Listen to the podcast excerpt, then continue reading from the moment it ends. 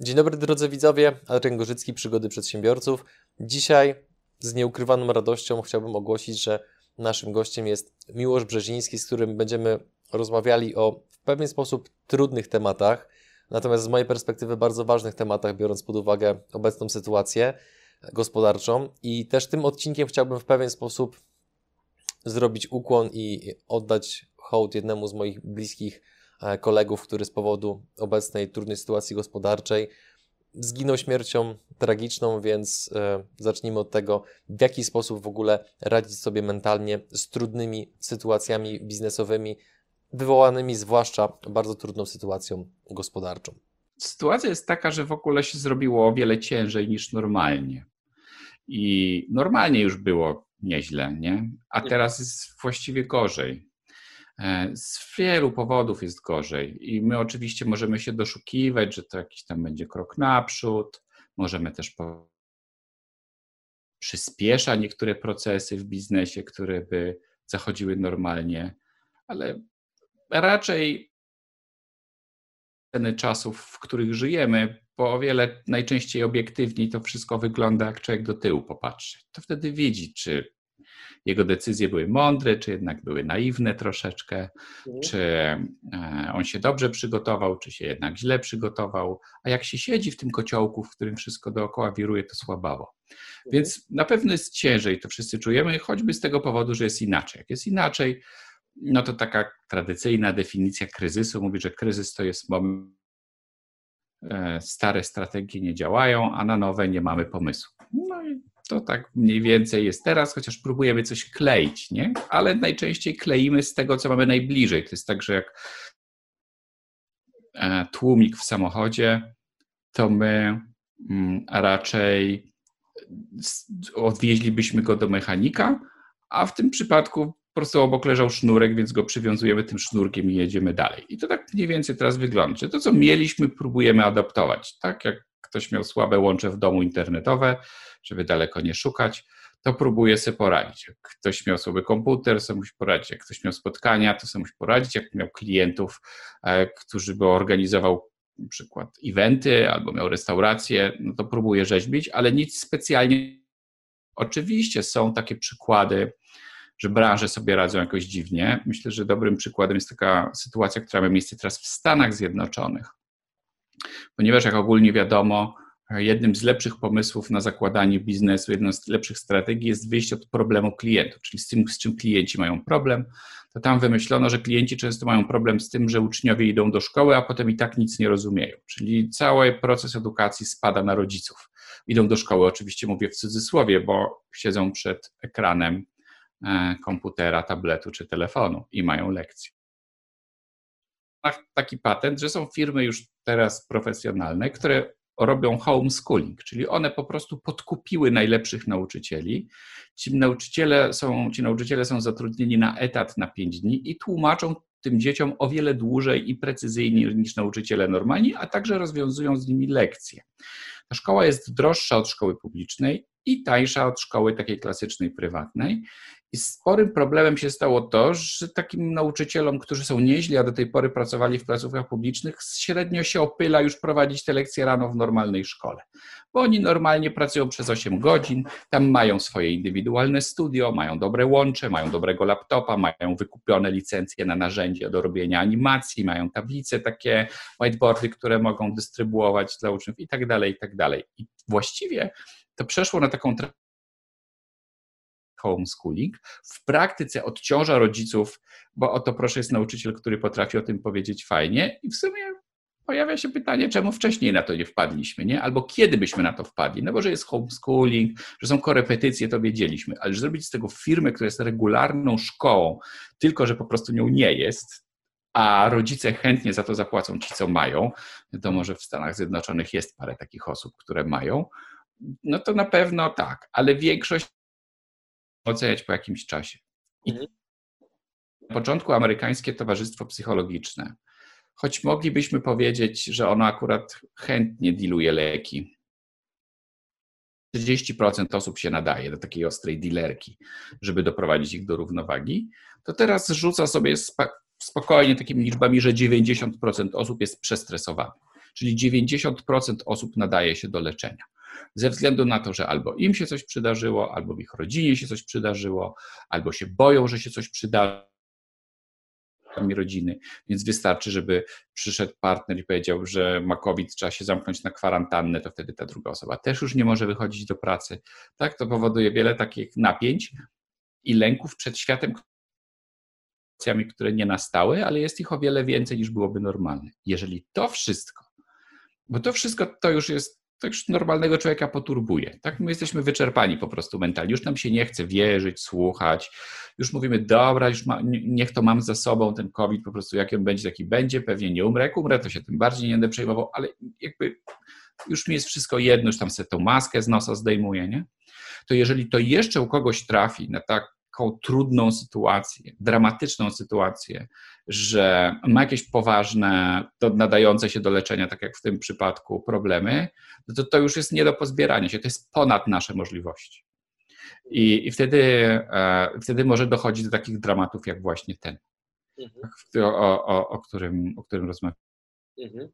Więc właściwie to nie jest do końca nasz problem, bo my żadnym podcastem ani inną historią budującą tego nie załatwimy, aczkolwiek to wiadomo, jak mówi stary człowiek, wszystko mija nawet na nie? I tam będziemy się jakoś radzić. Ludzie się bardzo szybko podnoszą po dramatach, pod warunkiem, że to nie jest stres traumatyczny, a tu w większości przypadków jednak nie będzie.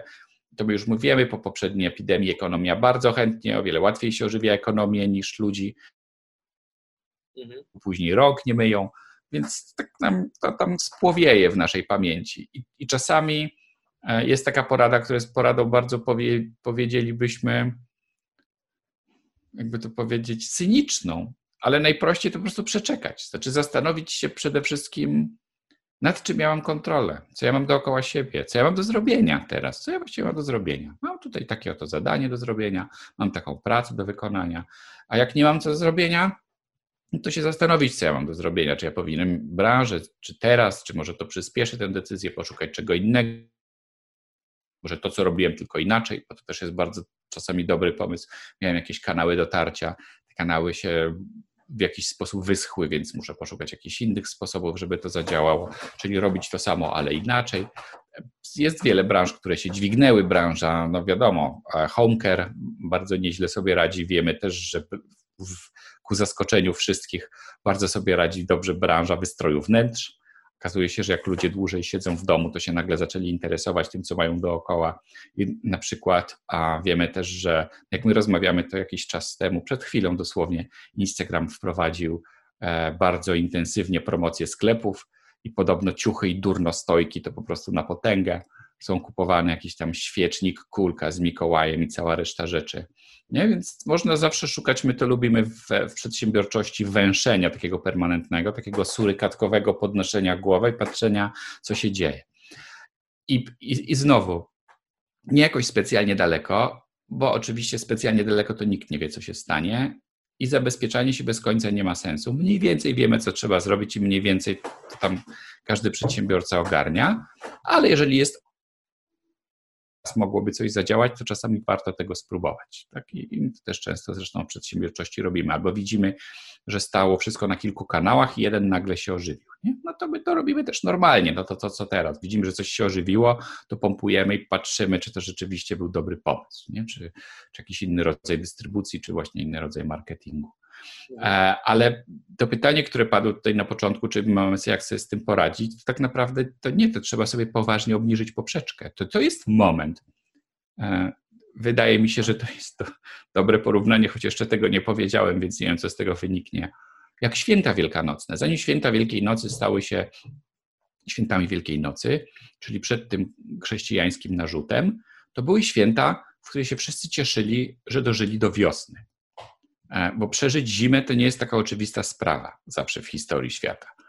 Więc stąd wzięło się, zresztą jak o tym teraz pomyślimy i pomyślimy, jak wyglądają święta Wielkiej Nocy, to one tak wyglądają. Są jajeczka, są małe zajączki, są kurczaczki, jest mnóstwo. Z daleka wygląda bardziej, bo jak się zaczniemy zastanawiać, co Chrystus miał wspólnego z jajeczkiem, to nam ciężko to przychodzi do głowy. Tutaj akurat ten, ten, ten narzut jest bardzo widoczny. Dlatego, że właściwie w historii świata zawsze zima była takim momentem którym się przede wszystkim trzeba było przeżyć. No. I dopiero od tego momentu się zastanawiać, jak osiągnąć jak najwięcej. Oczywiście, jeżeli mamy możliwości, jest okazja i tak dalej, no to nie można tej okazji stracić. Wiemy, że biznes jest chciwy.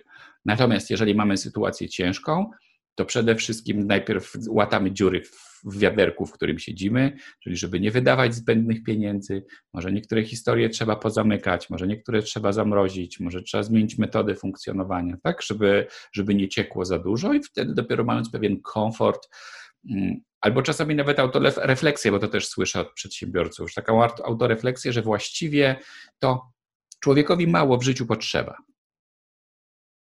kosztuje śniadanie i obiad i kolacja w spożywczaku, w którym jestem, to ja się zawsze z tego podniosę. Tak i zawsze mogę spróbować jeszcze raz potem.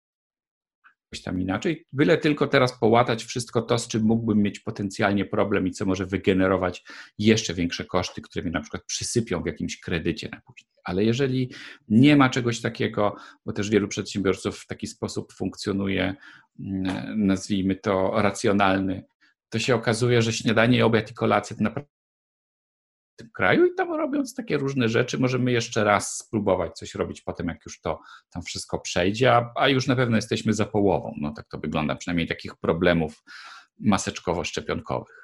Z tego, co się orientuję po rozmowach z różnymi przedsiębiorcami, to wiem, że w obecnym trudnym okresie to jedną z takich, jednym z większych wyzwań mentalnych dla nich jest chociażby kwestia zwalniania pracowników. I z racji tego, że e, jest Pan między innymi psychologiem biznesu, to co w obszarze właśnie przekazywania tak trudnych informacji pracownikowi, że musimy się pożegnać, co przedsiębiorca może zrobić, żeby ten proces był możliwie jak najbardziej, jak najmniej obciążający zarówno dla niego, jak i dla pracownika, który usłyszy tę wiadomość?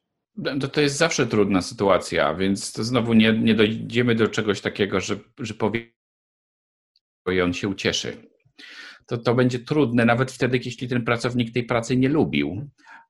Jak pokazują badania, my po prostu mamy wielką awersję do bycia usuwanymi albo do, do tracenia grupy społecznej, w której byliśmy, nawet jak jej nie lubiliśmy. To jest silniejsze od nas. My jak się, czujemy się w porządku, jak jesteśmy częścią czegoś większego od siebie. Jak jakaś część, tak, z przyczyn od nas zależnych czy nie, się nas pozbywa, czy my stamtąd odchodzimy, to zawsze jest nam przykro. To nawet jest taka też sytuacja z tym, jak się ludzie rozwodzą, że, że ten związek im nie służył, nie było dobrze, nie było fajnie, rozwodzą się i, i tak jest im przykro z różnego powodu. Więc właściwie no, to my ponad tę kreskę nie wyskoczymy. Tam cudów nie będzie. Natomiast warto powiedzieć, zawsze w takich sytuacjach informować o tym, że to nie jest wynik tego, że to, że to jest czyjaś wina, na przykład specjalnie, tak? Bo, bo, my, często, często sobie zadajemy pytanie, czy to ja coś źle zrobiłem. Czasami to jest po prostu kwestia struktury tego, co się dzieje teraz na rynku. Jest to nasza odpowiedź na to. Jeżeli ktoś ma szansę się przebranżowić, to to bardzo dobrze. Jeżeli my możemy to zrobić w ramach jednej organizacji, to w ogóle super. Możemy też i warto podkreślać to, że wiele z tych osób ma kompetencje i jest niezła i w ogóle jest super, tylko niestety nie tu i nie teraz.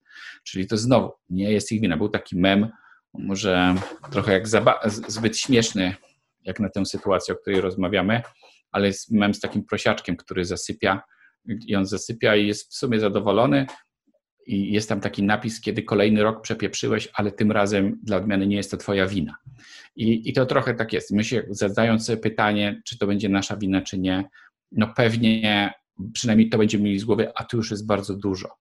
Trzecia sprawa jest też taka, że e, zawsze rodzi się pytanie, czy ludzi zwalniać przed świętami, czy po. To też wiemy z badań, niestety lepiej przed. E, I może to nie brzmi jakoś super, ale żadna wersja ze zwalnianiem nie brzmi super, niestety. Znaczy, zależy, jak kto podchodzi. No, mówimy o takiej sytuacji, jak ta, którą mamy teraz, że to wpływ, bo próbujemy ratować miejsce pracy. Tak, próbujemy ratować organizację i nie mamy lepszego pomysłu niż taki. Więc, więc szukamy na to sposobu. Mm, lepiej przed, dlatego że lepiej, żeby ludzie zostali z rodziną. Czy wiadomo, że oni przeżyją te święta inaczej? Wiadomo, że um, będzie im na pewno smutno w tym czasie i nam też będzie smutno, bo to też na nas, z nas tak nie spływa, jeżeli z kimś się żegnamy, ale łatwiej to zrobić i wtedy się po pierwsze mniej na te święta wyda, bo już wiadomo, że będzie ciężej, a po drugie, jak się rodzina tak pomaga podtrzymywać na duchu tak? bo się jest w takiej sytuacji trochę już i tak bez, bezpracowej. Bez względu na to, jakie argumenty ja tutaj wymyślę, to to już jest jakaś interpretacja badaczy. Faktem jest, że ludzie lepiej znoszą zwolnienia w piątek i przed, przed świętami, natomiast e, przemowy motywacyjne i zmiany strategii w poniedziałki i po świętach, tak? a, nie, a nie przed. Więc ta zasada też trochę działa, ale e, na, na pewno się to będzie działo i na pewno będzie się działo tego dużo i, i spodziewamy się, że zwłaszcza takie osoby między 30 a 40 rokiem życia to bardzo dotkliwie przejdą, um, ale, ale my też wiemy z kolei, że ekonomia nie lubi takiej próżni, że tam się zaraz coś znowu zadzieje i że, że jak tylko ta sytuacja się w jakiś sposób unormuje i będzie można, będzie można działać, no to, no to każde pokolenia jakieś ma takie swoje problemy, takie, takie momenty, że jest, że jest gorzej. No i wtedy sobie obniżamy poprzeczkę, wydajemy mniej, zmieniamy styl życia, bo my najczęściej nie boimy się tego, że umrzemy tylko boimy się pewnej zmiany stylu życia, że ja mogłem iść na sushi tam raz w miesiącu albo raz w tygodniu, że ja mogłem sobie nie patrzeć, ile mam na koncie i sobie po prostu się przejść po spożywczaku i sobie napchać wszystko i my tego nie chcemy oddawać. Mm, ale jak zaczniemy poddać refleksji, ile nam jest w sumie do życia potrzebne i, że to właściwie nasza mentalność i trochę otrząsanie się, i radzenie sobie w kryzysie bardzo nas może potem wypromować. Mamy przecież bardzo dużo firm, wiele firm, które powstały w kryzysie, takich GE powstało w kryzysie, Microsoft, Disney. Są wszystko firmy, które powstały, powstały w sytuacji kryzysu, bo też pamiętajmy, że jest dużo osób na rynku pracy, wiele z tych osób trafia tam nie ze swojej winy, czyli to jest sporo dobrych osób na rynku pracy. Nie? Więc, e, więc jest też sporo takich, jak, jak człowiek usiądzie z notesem i to sobie wszystko wypisze i na to spojrzy, to się powoli z tego lęku e, zaczyna wy, wygrzebywać i mam takie informacje od osób, które no, nie w czasach tak, tego kryzysu, ale w ogóle takich swoich życiowych kryzysów, zresztą przedsiębiorcy często o takich historiach opowiadają, że wpompowali coś hajs. E, mam takiego jednego z takich znajomych klientów, który jakiś czas temu stwierdził, że najlepiej stać na dwóch nóżkach, a w związku z tym założył restaurację i organizował eventy. No i jak się łatwo domyślić, przyszła taka sytuacja, że powiedzonko, że stać na dwóch nóżkach w sumie jest dalej prawdziwe, ale nisko latająca siekiera obcięła obie te nóżki naraz. Nie? Więc, więc my się przed wszystkim po prostu nie jesteśmy w stanie zabezpieczyć, ale jest to też osoba, która no było jej przykro, smutno i, i, zastanowiła się nad swoim życiem. Mamy taki moment, że trzeba trochę poryczeć. Stwierdziła, że jednak coś trzeba robić dalej tam sobie coś wymyśla. Na razie nie zarabia tyle, ile zarabiała na początku. Niemniej jednak życie bardzo ceni proaktywność. I ci, którzy szybciej się podnoszą, szybciej otrzepują spodenki, szybciej wciągają smarki, poprawiają koronę, na to, że znowu się coś zadzieje, bo teraz znowu będzie w czymś wschodząca fala. Ludzie będą znowu jakichś usług potrzebowali, już potrzebują jakichś usług, już się coś kształtuje. E, więc mm, jeżeli ktoś ma taką mentalność przedsiębiorcy generalnie, to po prostu jest niezatapialny bez względu na to, co się dzieje. Tak zawsze sobie gdzieś coś. To jest taki właściwie taki, taka droga, którą podąża, droga szukania sposobu na różne sytuacje. Jest taka psychoterapeutka, jeszcze powiem na końcu, stuletnia, i bardzo lubię jej metaforę. Ona używa takiej, bo kiedyś ją zapytano, ona jest stara i ogarnia, co jest rzadkością, i jest też buddystką i terapeutką, to już w ogóle jeszcze większa rzadkość. Kombo. I zapytano ją, i zapytano ją jakiej cechy w mózgu jej brakuje, w, a, a widzi to w technologiach cyfrowych. I ona powiedziała, że brakuje jej, uważa takiego GPS-owego podejścia do świata, że jak gdzieś jedziemy i tam jest blokada, roboty drogowe albo korek, to GPS od razu pisze przeliczam trasę. I jest napisane i ją przelicza trasę na jakąś inną i szukam jakiejś innej. To ludzie tak nie mają. To ludzie mają tak, że właściwie próbują walić w to samo miejsce często mamy tak, że walimy w to samo miejsce i myślimy, że jak wystarczającą dużą liczbę razy walniemy, to tam, gdzie jest teraz ściana, to tam znowu będą drzwi, tak jak dwa lata temu, nie? albo trzy miesiące temu. I ona powiedziała, że to by było o wiele zdrowsze, gdybyśmy po prostu, aha, tu się nie da, to przeliczam trasę. Aha, tu się nie da, to przeliczam trasę. Miałem taki plan, że dzisiaj będę miał dwa spotkania, jakiś tam telefon wideokonferencję, ale tak jedno spotkanie spadło, a dwóch z wideokonferencji się wycofało, bo ich kraj jest kompletnie zamknięty. To mam przynajmniej taką alternatywę, że albo oj, oj, oj, oj, oj, dlaczego Bóg mrugnął, jak się rodziłem, oraz drugą wersję do wypracowania przeliczam trasę. Czyli teraz co? Co ja mogę z tymi kartami zrobić? Co ja mam, co, jak to? I oczywiście artystą się bywa, a nie się jest, więc nie zawsze wpadniemy na dobry pomysł. Raczej bym powiedział, że raczej nie, ale ważne, żeby tymi nóżkami przebierać, że nie, my nie wpadniemy, może kto inny, może z kimś porozmawiać, może z kimś bardziej doświadczonym. Mhm. No to jest, też, to jest też duży efekt tego lockdownu. To nie jest to odpowiedź na Pańskie pytanie, ale muszę Panu powiedzieć, że oprócz tego, e, że na początku tak wszyscy mówili, że tak fajnie pracować w domu, to mamy coraz więcej informacji o tym, że jednak nie. E, I oczywiście, że są takie osoby na świecie, które obudziły się w marcu w raju introwertyków i teraz wiedzą, że to już jest w ogóle super, że pandemia w ogóle nie obchodzi, bo sobie zamawiają żarcie do domu, nie mają rodzin, robią i wysyłają raporty. Ale my mamy parę takich obciążających biznes zjawisk w tej pandemii, o których już na pewno wiemy. Po pierwsze, jak pokazały badania w Wielkiej Brytanii, wiele osób odpowiedziało, że świetnie im się pracuje w domu, dlatego że bały się, że jak odpowiedzą inaczej, to ich pracodawca zwolni, bo się przyznają, że się nie nadają do home office'u. W związku z tym odpowiedziały, że się czują świetnie. No to już są badania do kubła. Zresztą psycholodzy zawsze mówią, że w takich skrajnych sytuacjach badania są bardzo hermetyczne i wychodzą różne dziwne wyniki i potem je trzeba reinterpretować. Druga historia jest taka, że my jednak w biznesie nie wszystko załatwiamy dobrym wykonaniem pracy, mówiąc grzecznie. A wiele rzeczy załatwiamy też polityką, błyskotliwą reakcją, ciętą ripostą. Ciężko o to wszystko strasznie, kiedy jest się na wideokonferencji. Emocje docierają do nas opóźnieniem, e, są różne sposoby, żeby nie włączać kamery, żeby ukrywać emocje, ciężko się dogadać. I już nie mówiąc o tym, że wiele z kwestii my też załatwiamy po spotkaniu, po wideokonferencji, czy po spotkaniu takim, jak jesteśmy w pracy. Czyli wychodzimy na korytarz, idziemy do windy i tam mamy dwa piętra, żeby z panem dyrektorem tam podkręcić jakiś nasz, jakiś nasz pomysł, a nuż pana prezesa zahaczy. E, w przypadku takiego, takiej pracy z domu, czy pracy hybrydowej, to jest utrudnione. Trzecia sprawa to jest taka, żeby nie powiedzieć mało możliwe. Trzecia sprawa to jest taka, że otoczenie najbliższe wywiera na nas najmniejszy, największy wpływ. I tu znowu w naszej głowie coraz istotniejsze staje się to, co się dzieje w domu, a coraz mniej istotne to, co się dzieje w pracy. Więc my w efekcie robimy się mniej efektywni, parafrazując w efekcie mniej efektywni, a, a praca rozciąga się na cały dzień. Czyli my nie pracujemy już 8 godzin, nie możemy powiedzieć fajnie, że mi przysłałeś maila, ale ja już wyszedłem z pracy, bo możemy tego maila dostać o 20.30 i, i usłyszeć, no wysłałem ci maila, ale tak późno my powiemy, no tak, no przecież jesteś w domu. Jesteś w domu, to pracuj. Więc jak mówią już od dawna e, nie tylko psychologowie społeczni, ale też socjolodzy, nie udało nam się zaorać kapitalizmu i różne systemy polityczne próbowały. Kapitalizm zawsze znajdzie drogę do robienia hajsu.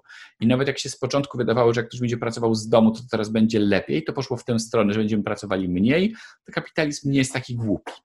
Prawdopodobnie też będziemy pracowali więcej z przerwami i, i, cały czas myśleli o pracy, co bardzo utrudnia, a jednocześnie ta praca zaczyna nas w głowie coraz mniej obchodzić, czyli jakby nas, bo, bo to są ludzie, którzy są gdzieś daleko, nie wiadomo do końca kto to, czy oni pracują, a tu mam dziecko, które nie rozumie tam matematyki, a tu mam żonę, która musi gdzieś pojechać, a tu mam mamę, która też do mnie dzwoni, pyta, czy przyjedziemy. Tak, jakieś takie, to się dzieje, czy i kota, który wymiotuje, nie wiem dlaczego i może by się wybrać z nim do weteranu. To są ważne problemy. E, to jest kolejny element tej pandemii, który zaczyna być kłopotliwy. Kłopotliwe jest też to, że ja się nie mam jak uczyć, bo jeżeli ja dostaję raport, załóżmy od ciebie, do opracowania i go robię, a ty jesteś bardziej doświadczoną osobą, to to nie jest to samo, jak ja bym go dostał od ciebie i mógł z tobą pogadać o tym w miejscu pracy. Ja mogę tylko zrobić mniej więcej tyle, ile umiem, plus dogooglam, przez więc cały proces spowolni, dla mnie, jako dla pracownika, który chciałby się rozwijać, jest spowolniony, bo ja cię nie widzę tyle, ile mógłbym normalnie. Nie mam takiego komfortu w kontaktowaniu się z tobą e, i, i, i dopytywaniu, jeżeli czegoś nie wiem. Więc tyle się tego uzbierało, że wydaje się, a jeszcze nie powiedziałem najlepszej zabawy. Teraz uwaga. To jest hit z e, października, październik 2020. Okazało się, że jak jest hybrydowy tryb pracy, ulubionym hybrydowym trybem pracy jest, jest 3-2 teraz, czyli 3 dni w biurze, 2 dni w domu. To, jest oczywiście fakultatywne, czyli można chodzić do pracy 5 godzin. Okazuje się, że osoby, które przychodzą 5 dni do pracy, mają o połowę większą szansę na awans. Life, jakby to powiedział um, poeta. Klasyk. To się bierze prawdopodobnie stąd, że po prostu ja nie chcę powiedzieć, e, co powiedziała pani doktor, albo może powiem, pani doktor z Wielkiej Brytanii powiedziała, że po prostu zarządca lubi mieć dwór. No. I że fajnie, że wszyscy dobrze pracują, że wszyscy dobrze robią, ale jak ktoś powie, że pan dyrektor ładnie wygląda, albo że pani dyrektor świetnie to zrobiła, to jednak jak pani dyrektor będzie myślała o tym, kogo by tu pchnąć do góry, to woli osoby, które są życzliwe, które jej pierwsze przyjdą do głowy. A pierwszy jej przyjdzie do głowy ten, kogo częściej widzi. No nie możemy niestety tego prze.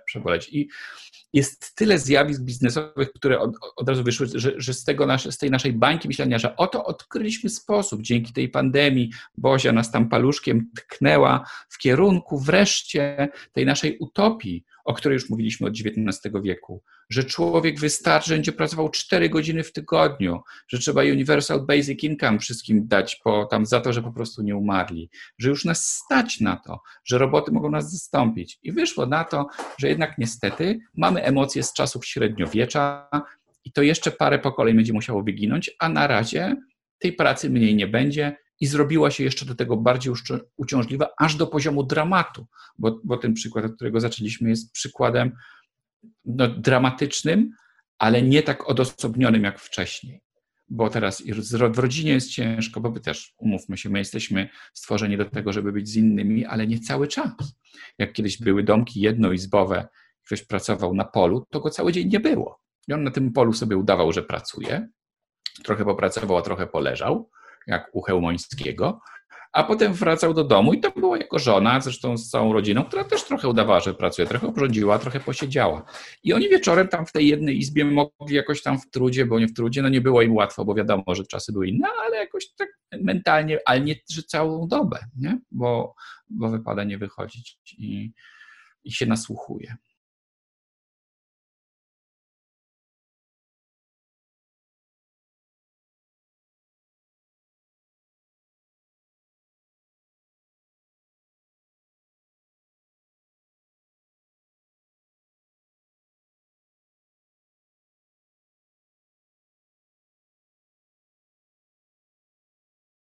Mhm. A to w takim razie nawiązując jeszcze do tego właśnie smutnego, no, dramatycznego przykładu, o którym mówiłem, no to jak Pana zdaniem, biorąc pod uwagę to, że niektórzy przedsiębiorcy, albo powiedziałbym wręcz, zaryzykowałbym stwierdzenie, że zdecydowana większość, z racji tego, że mają dość, powiedzmy, silne i wrażliwe ego, nie zawsze są w stanie prosić o pomoc.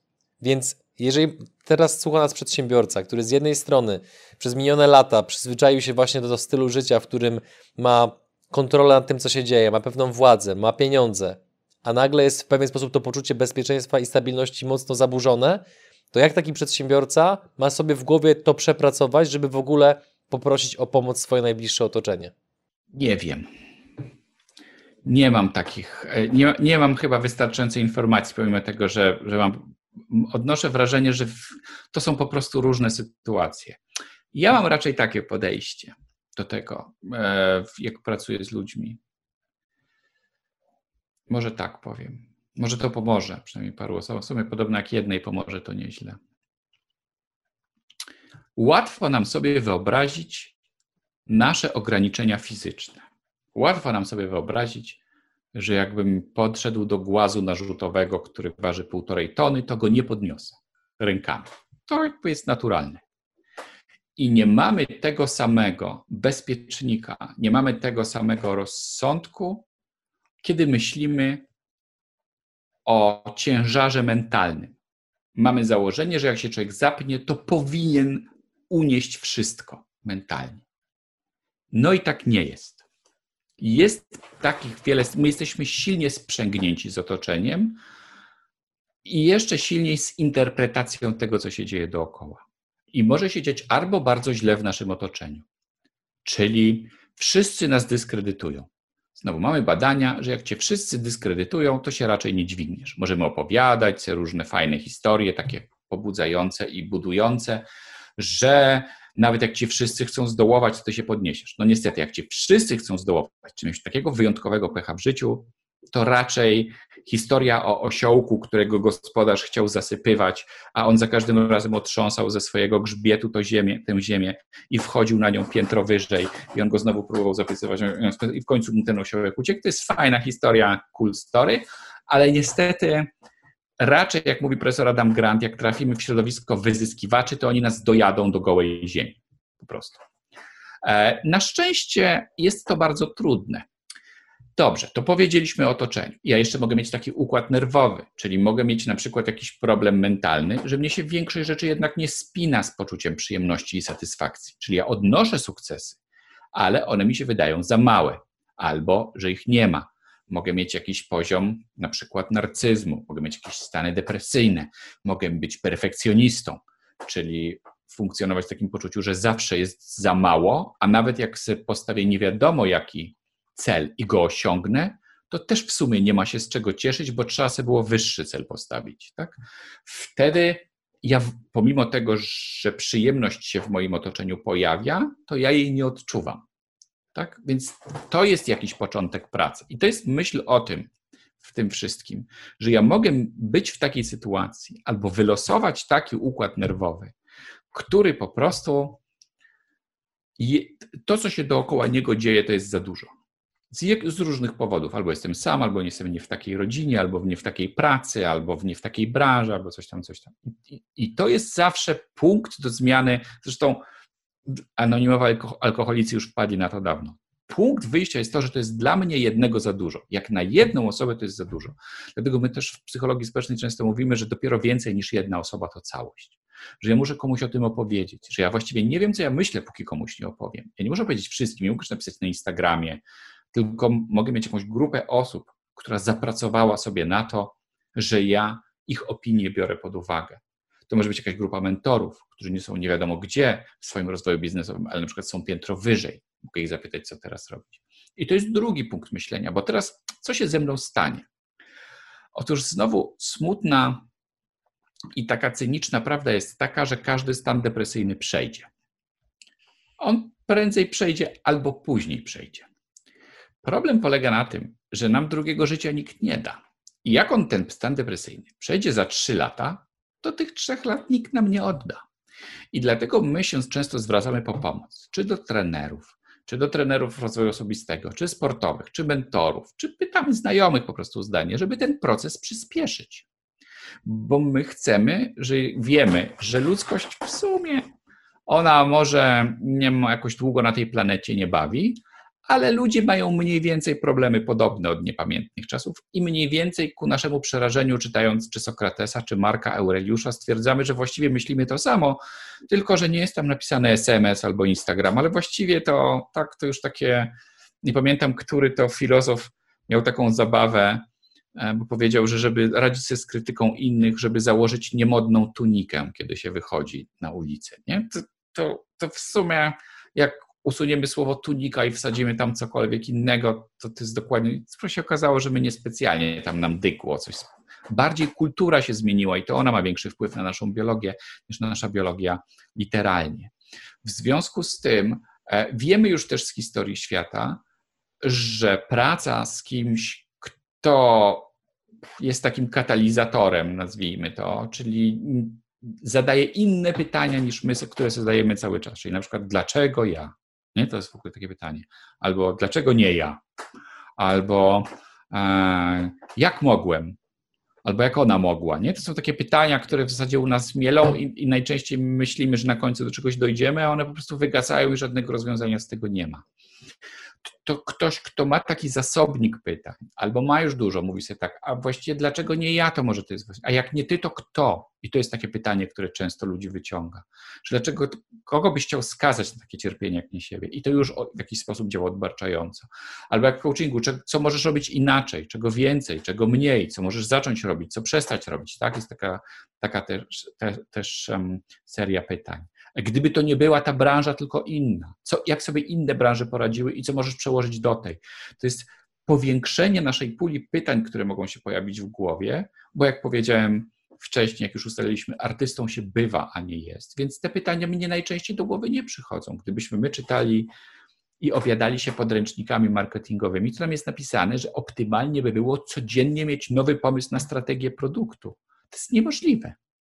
Po prostu. Już nie mówię o tym, że człowiek się gorzej czuje i lepiej, po prostu nie, nie, no to zakładając, że przez większość tego czasu nie będziesz testował jakichś paździerzowych pomysłów, tam wyciągniętych z nie wiadomo kąt, to takie lepsze się trafią tylko raz na jakiś czas. Ja nie mówię, żeby nie próbować, bo czasami nam się wydaje, że coś nie zażre, to żre, ale jednak człowiek funkcjonuje dobrze w pewnych społecznych konglomeratach, jak może się wymienić informacjami, wymienić doświadczeniami.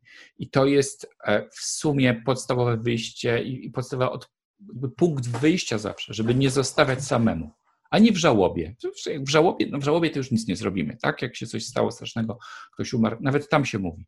W żałobie nikt nie powinien zostać sam, bo oni tak siedzą w tej żałobie i tak z nami rozmawiają. I tak wszyscy mówią, a pamiętasz, że była miła? No byłem. Była, pamiętam. A raz była niemiła, no, no i siedzą trzy minuty i znowu. A pamiętasz, jak wtedy była miła? Tak, a wtedy nie była, nie? I tak cały wieczór. I człowiekowi jest lżej, że nie jest tym sam. Więc to jest zawsze punkt wyjścia. Druga sprawa jest taka, żeby zdać sobie sprawę z tego, że nie mam teraz pomysłu po prostu, a szkoda czasu. A może ktoś ma, albo nie ma. Tylko rzuci coś i nas to zainspiruje. Ktoś rzuci jakieś jedno zdanie, czasami tak jest, nie? Czegoś słuchamy, czytamy książkę, słuchamy podcastu i jedno zdanie, na przykład człowiek nie widzi tego, czego nie wie, nie? To dzisiaj takie zdanie, e, mm, jak gdzieś tam przeczytałem. I sobie mówię, człowiek nie widzi tego, czego nie wie. I teraz milion rzeczy mi się odpala od razu w tym. Czy jak dziennikarz jest niewyedukowany, to jest w stanie w ogóle zrozumieć wielowarstwowy problem, o którym mu ktoś opowiada? No nie może, ponieważ nie widzi tego problemu, widzi jakiś taki prosty manicheizm, że świat polega na tym, że czarne bije się z białym. Czy jak ekonomista nie jest, czy coś tam. Jakby, no, mnóstwo jakichś różnych rzeczy. I tak samo tu. Czasami ktoś nas tam walnie, nie? Takiego, no. Więc, um, więc, więc to jest z jednej strony trudne, a z drugiej strony w sumie nie trudne, no bo trzeba się zmusić do czegoś, czego my wtedy w ogóle nie czujemy.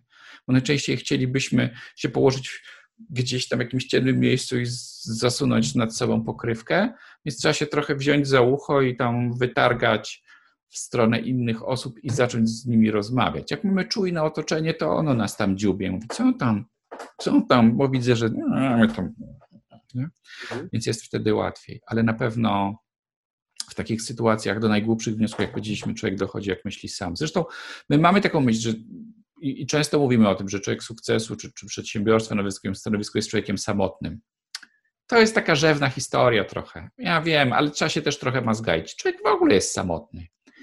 Większość naszego życia to jest samotność. Jak ktoś mówi, że 40% mojego życia to samotność, to on i tak jest niezły rodzina nas na to nie przygotowuje, kiedy jesteśmy mali. Większość naszych problemów to jest samotność. Nie mówimy innym, nie wiemy, czy wypada, nie chcemy ich obciążać. Zdajemy sobie sprawę z tego, że jednak ze sporą częścią swoich problemów człowiek sobie sam powinien poradzić. Człowiek nie na szczycie też jest samotny. Ludzie po prostu, trochę jesteśmy samotni. No, to tak, tak niestety wygląda. E, ale jednak mimo wszystko, jeżeli ktoś do czegoś dochodzi gdzieś wysoko to pomimo tego, że nam się to kojarzy z samotnikami, to jak pomyślimy o tym historycznie, to to zawsze były jakieś konglomeraty, tak?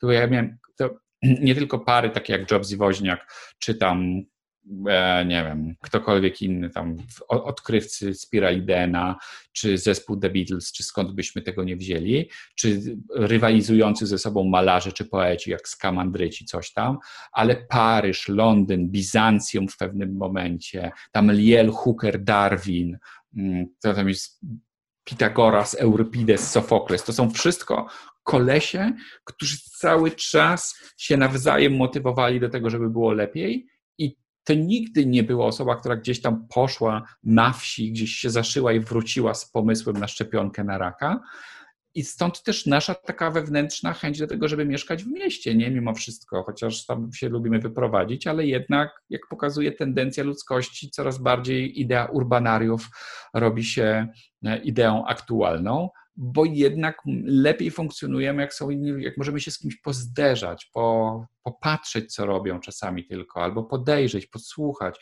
na co wpadli, jak sobie poradzili, albo jak sobie nie poradzili.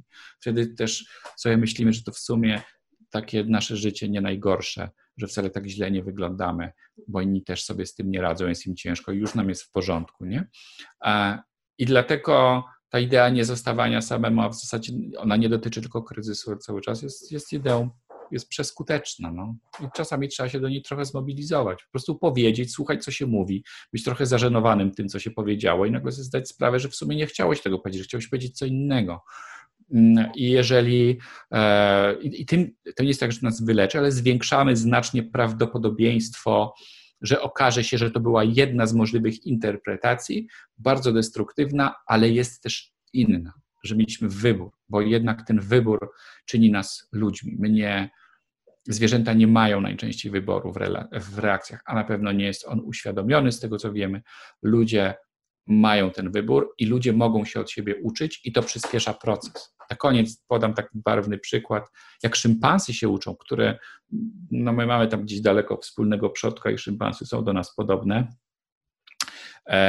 To szympans, jak jeden bierze kamień i zaczyna lutować tam w orzeszka, to nikt do niego nie podchodzi i mu nie mówi, słuchaj, źle jednak ten kamień niestety, bo wiesz co, musisz wziąć po pierwsze mniejszy, bo ty masz małą łapkę. Tak? Nie robi mu żadnego ani lekcji, ani coachingu, ani mentoringu. Nie, on musi sobie zalutować w palec i po czterech latach dochodzi do wprawy w lutowaniu tych kamieni i potem już mu idzie. Dlatego zwierzęta się uczą po prostu dłużej. Ta umiejętność uczenia się z cudzych doświadczeń i ich przekazywania w taki sposób celowy i ustrukturalizowany, bo my czasami mamy do tego całe programy przekazywania, więc jest naszym wielkim skarbem.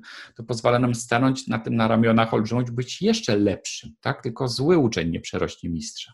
I my tego szukamy. A ponieważ już wiele osób było w trudnej sytuacji, mieli i epidemie, i wojny, i tam żałoby, i różne inne historie, no to czasami takie myślenie pomaga. No, mam nadzieję. To kolejne pytanie, bo kilka minut temu powiedział Pan o tym, że jeżeli jest sytuacja, w której się znajdziemy, gdzie wszyscy wokół nas dyskredytują, no to z takiej sytuacji bardzo ciężko jest się podnieść. Natomiast wydaje mi się, że chyba dużo częstszym zjawiskiem, aniżeli tak mimo wszystko wyjątkowa sytuacja, w której nas wszyscy dyskredytują, jest jednak moment, w którym sami, używając kolokwializmu, szczekamy wewnętrznie do siebie, sami się dyskredytując. Więc jak opanować taki destrukcyjny wewnętrzny dialog i spróbować go przekuć raczej na coś pozytywnego. Czy w ogóle warto to robić? Czy to być może jest za bardzo taki nadmuchany problem? Jakie jest Pana zdanie w tym temacie? Zasadniczo zakłada się, że, że i bohater, i, i, i tchórz czują strach, ale bohater robi z tym co innego, tak mówi przysłowie. I zdecydowanie, jak powiedzieliśmy wcześniej, biznes zwłaszcza ceni proaktywność dlatego że większość naszych działań są to działania wieloaspektowe, a umysł jest kompletnie kulawy, jeśli chodzi o analizę tych działań.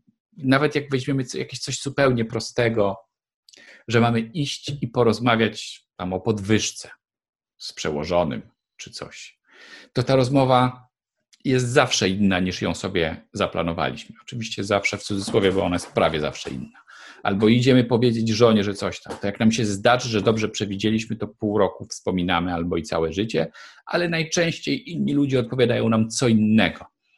Dlatego my raczej wolimy ten patent, że to jest trial and error, jak mówią Amerykanie, czyli wypróbować i popełnić błąd. Czyli nie wybieramy już jednej kampanii marketingowej, tylko wybieramy cztery tanie, puszczamy ją na cztery na pół dnia i patrzymy, która się najlepiej klika.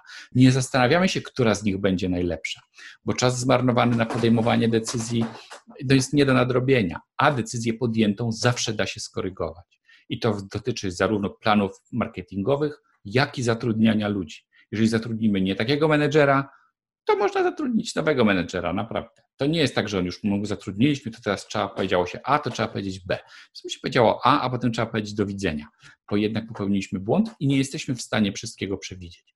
I to jest jeden z pomysłów. Trial and error zakłada, że my w biznesie będziemy wypuszczali takie forpoczty, że będziemy produkowali projekty, które są dają szybki zwrot, są trudne do zakłócenia i tanie kiedy powstawała ta teoria, zresztą buchnięta z chemii, bo w chemii tak się czasami tworzy polimery, że miesza się wszystko i patrzy, co wyjdzie, a potem się wstecz dochodzi do wniosku, co to się właściwie zadziało, bo tak jest taniej.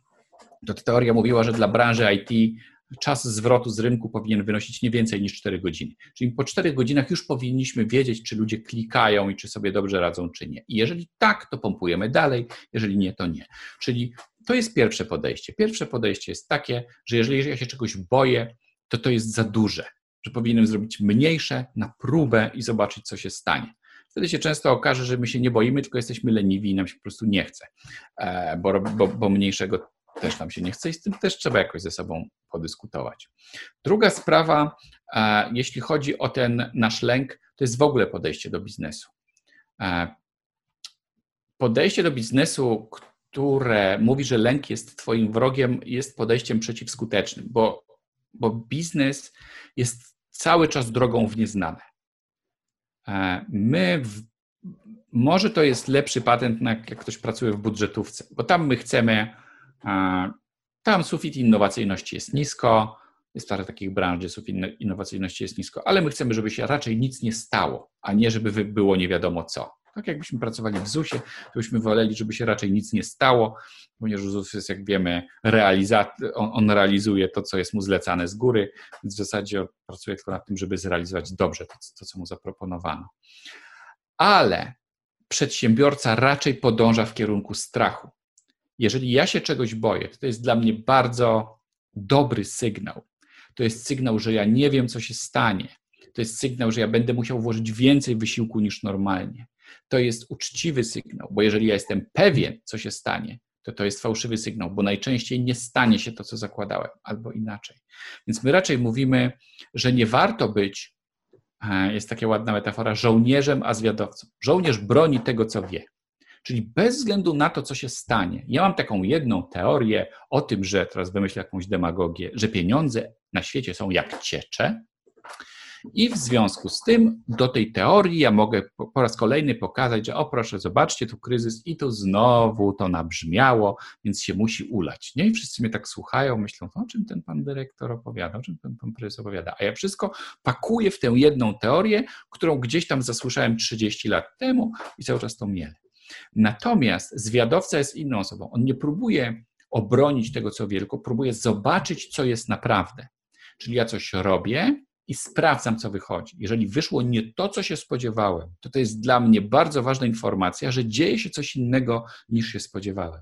Warto spróbować to namierzyć. Może to jest jakiś nowy ruch rynku, może gdzieś czymś się ludzie bardziej interesują, może coś, co było sprawne do tej pory, teraz już jest postrzegane jako przestarzałe, bo na przykład pokolenie się zmieniło i tak dalej, i tak dalej.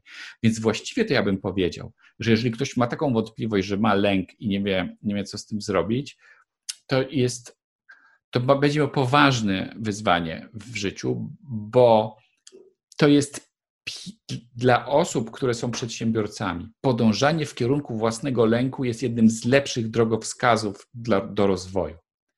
Jeżeli ja myślę na przykład sobie tak, a może wydać książkę, załóżmy, bo ja piszę książki, wydać książkę dla dzieci, czy nie?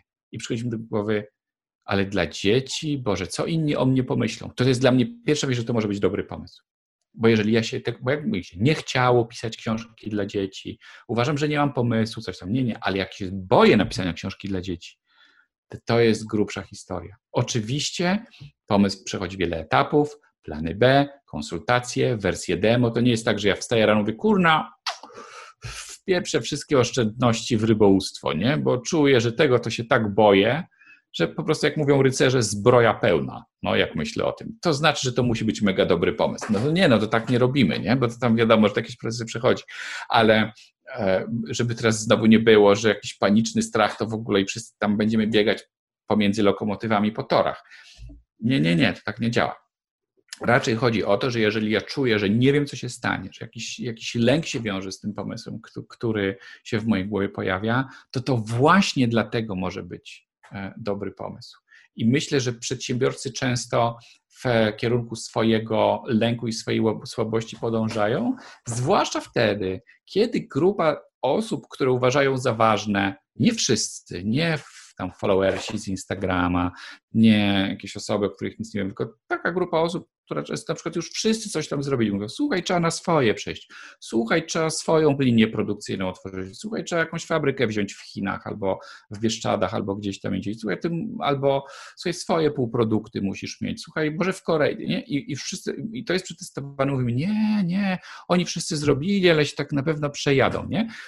Jak zaczynamy mieć w głowie takie wymówki, a widzimy, że to już raczej dotyczy tylko nas, a nie wszystkiego dookoła, bo nasi przyjaciele, no pewnie, że oni się lepiej poczują, jak się wszyscy wywalimy, nie? Czyli te ich fabryki upadną i przy okazji moja, oczywiście, bo chcąc, nie chcąc, jednak człowiek dobrze się czuje, jak nie sam w tonie, to nie mieliby pewnie takiego interesu, gdyby coś nie zadziałało, żeby nam taki zły pomysł poddawać. Nie?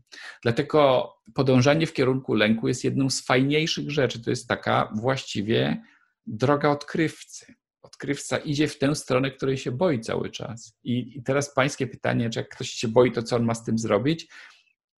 To ono wygląda zu, zupełnie coś innego. To jest, to, to jest, właśnie mega ważne, jak ja się czegoś boję, co ja mam z tym zrobić. To jest mega odkrycie, bo jak mi się nie chce czegoś robić, nie uważam za stosowne, nie wypada, jestem znużony, robiłem to już kiedyś, e, nie mam już tego zdrowia, co kiedyś, to to nie jest sygnał, ale ktoś mówi, słuchaj, a może coś tam i jest taki, pojawia się strach, to znaczy, że to trzeba poeksplorować. Niekoniecznie, że robić, ale poeksplorować.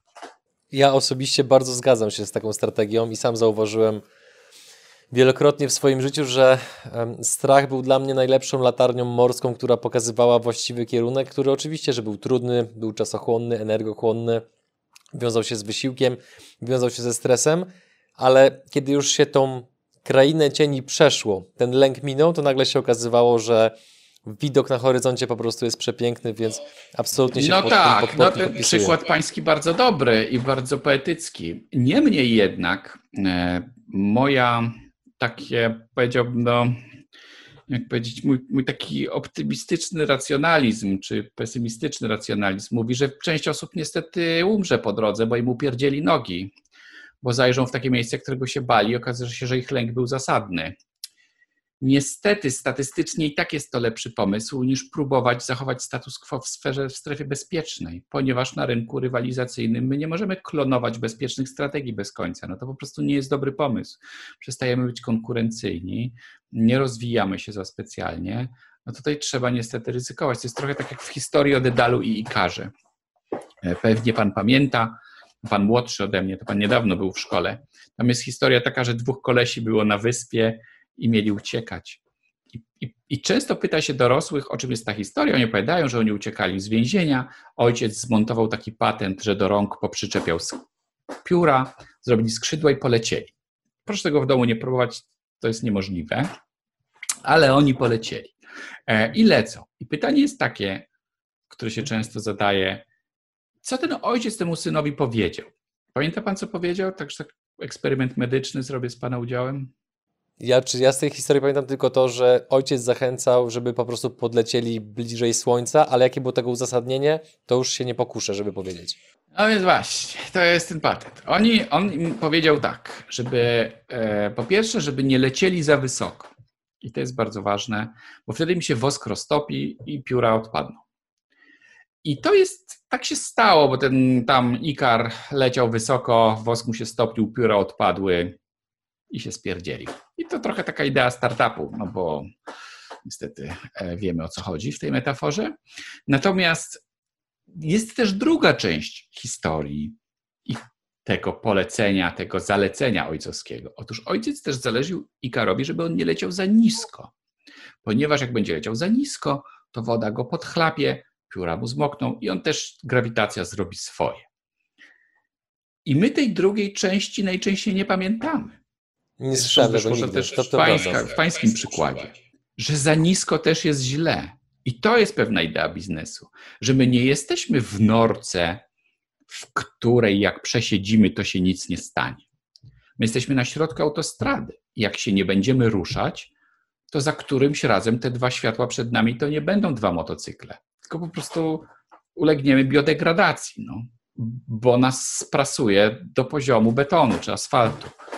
I dlatego my musimy wykonywać ruchy na cały czas. I dlatego w biznesie tak się promuje zmianę i tak się promuje proaktywność, że pewna zwinność biznesowa, umiejętność do szybkiego reagowania, przeliczania trasy, adaptowania się do tego, co się dzieje, czyli ewaluacji informacji, jest o wiele lepsza niż planowanie no nie wiadomo jak długo do przodu. Mm, I dlatego, że e, na rynku rywalizacyjnym to jest po prostu wymóg, to jest konieczne, to jest wyścig. Gdybym ja brał udział w wyścigu, załóżmy na 10 kilometrów i pobiegłbym tam z myślą, że będę biegł tak, żeby mi się nic nie stało, no to nie wygram. To w ogóle nie ma takiej możliwości. W związku z tym ideą przedsiębiorczości jest odwaga.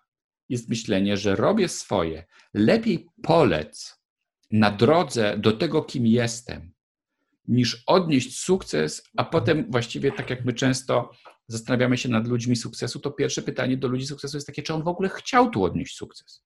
Bo może on nie chciał. Może on jak Andrea Gassi powie, że tenis jest najgorszą rzeczą, którego w życiu spotkała. I on nie chciał grać w tenisa nigdy. I ojciec mu kazał, jak tylko mógł to odłożyć, to po prostu rzucił to w diabł, już nigdy tego nie dotknie. Bo najgorszym sukcesem, w cudzysłowie, jest to, że my coś zrobimy, to nagle zażre.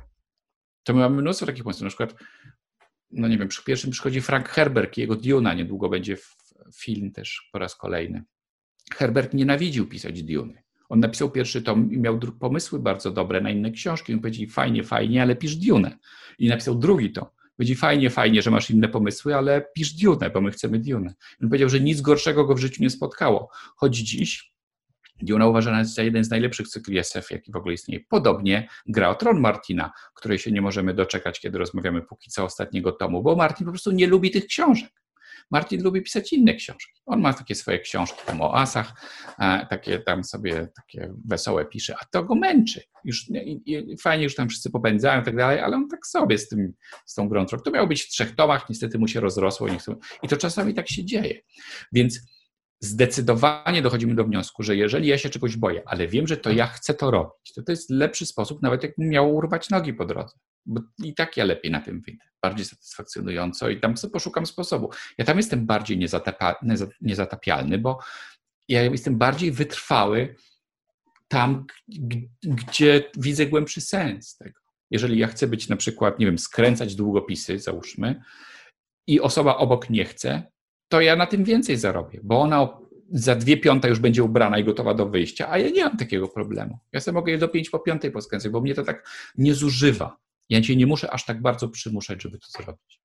Więc e, wracając do, do, do pańskiego przykładu, który jest lubianym przykładem w mowach motywacyjnych i tak dalej, to muszę powiedzieć, że wiele osób umrze po drodze, niestety, to robiąc. I nie ma się co oszukiwać, że droga niebezpieczna polega na tym, że jest kurna niebezpieczna, jak mówił Antoni Piechniczek. I tyle. I, i, i, my ją, I my ryzykujemy. Ale jest to właściwie jedyna zasadna droga podjęcia ryzyka, bycia pewnym, że ja chcę to zrobić, to jest pewien rodzaj artyzmu, więc rodzaj sztuki, że ja, to ma tak wyglądać. Tak ma wyglądać mój komputer, który tak ma wyglądać mój produkt, tak ma wyglądać, tak ma wyglądać okładka mojej książki, tak ma wyglądać mój system spedycyjny, tak to ma wyglądać. I jak pan nie, to ja pójdę gdzie indziej, bo ja wiem, że to jest dobry pomysł. I my często odkrywamy, że osoby takie, które dochodzą daleko, już nie chcę, bo, bo, w sumie Jobs jest takim najbardziej popularnym przykładem tego zakrzywienia rzeczywistości, są po prostu bezczelne, pewne tego, jak to ma wyglądać. I tak długo piłują, aż trafią na słabszy moment i uda im się to zrealizować. Przy czym część niestety po drodze przeleci walec i je wyrówna bo oni miały pecha, urodziły się nie w tym kraju, co trzeba, miał kogoś ten pomysł ukradł, a potem ją ukradkiem zamordował, żeby nie wymieniać nazwiska Edisona, tak i tak dalej, i tak dalej. Więc mamy różne przypadki historii i jak postawimy na szali takie życie i życie inne, to mimo tego wszystkiego, że sobie zdajemy z tego sprawę, to oceniamy, że co jak co, ale swoją drogą bardziej warto. Panie Miłoszu, tym sposobem dotarliśmy do końca naszej rozmowy. Ja, tak jak mówiłem już na samym początku, jeszcze przed nagraniem, jestem ogromnym fanem sposobu, w jaki Pan przekazuje wiedzę, bo o rzeczach trudnych potrafi mówić Pan w sposób zrozumiały. Do tego, co podejrzewam jest świadomym zabiegiem, używa Pan często czasami słów, które są zaskakujące, typu powiedzmy chociażby słowo hajs.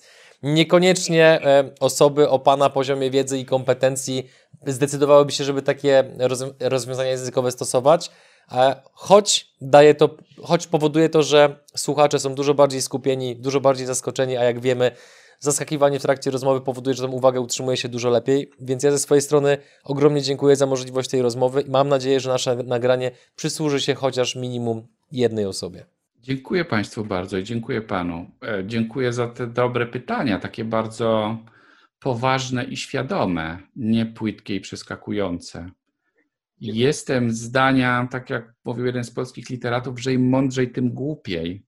I że jak ktoś czegoś nie potrafi prosto wytłumaczyć, to nie rozumie. Więc ja też trochę przed sobą, żeby nie było wstyd.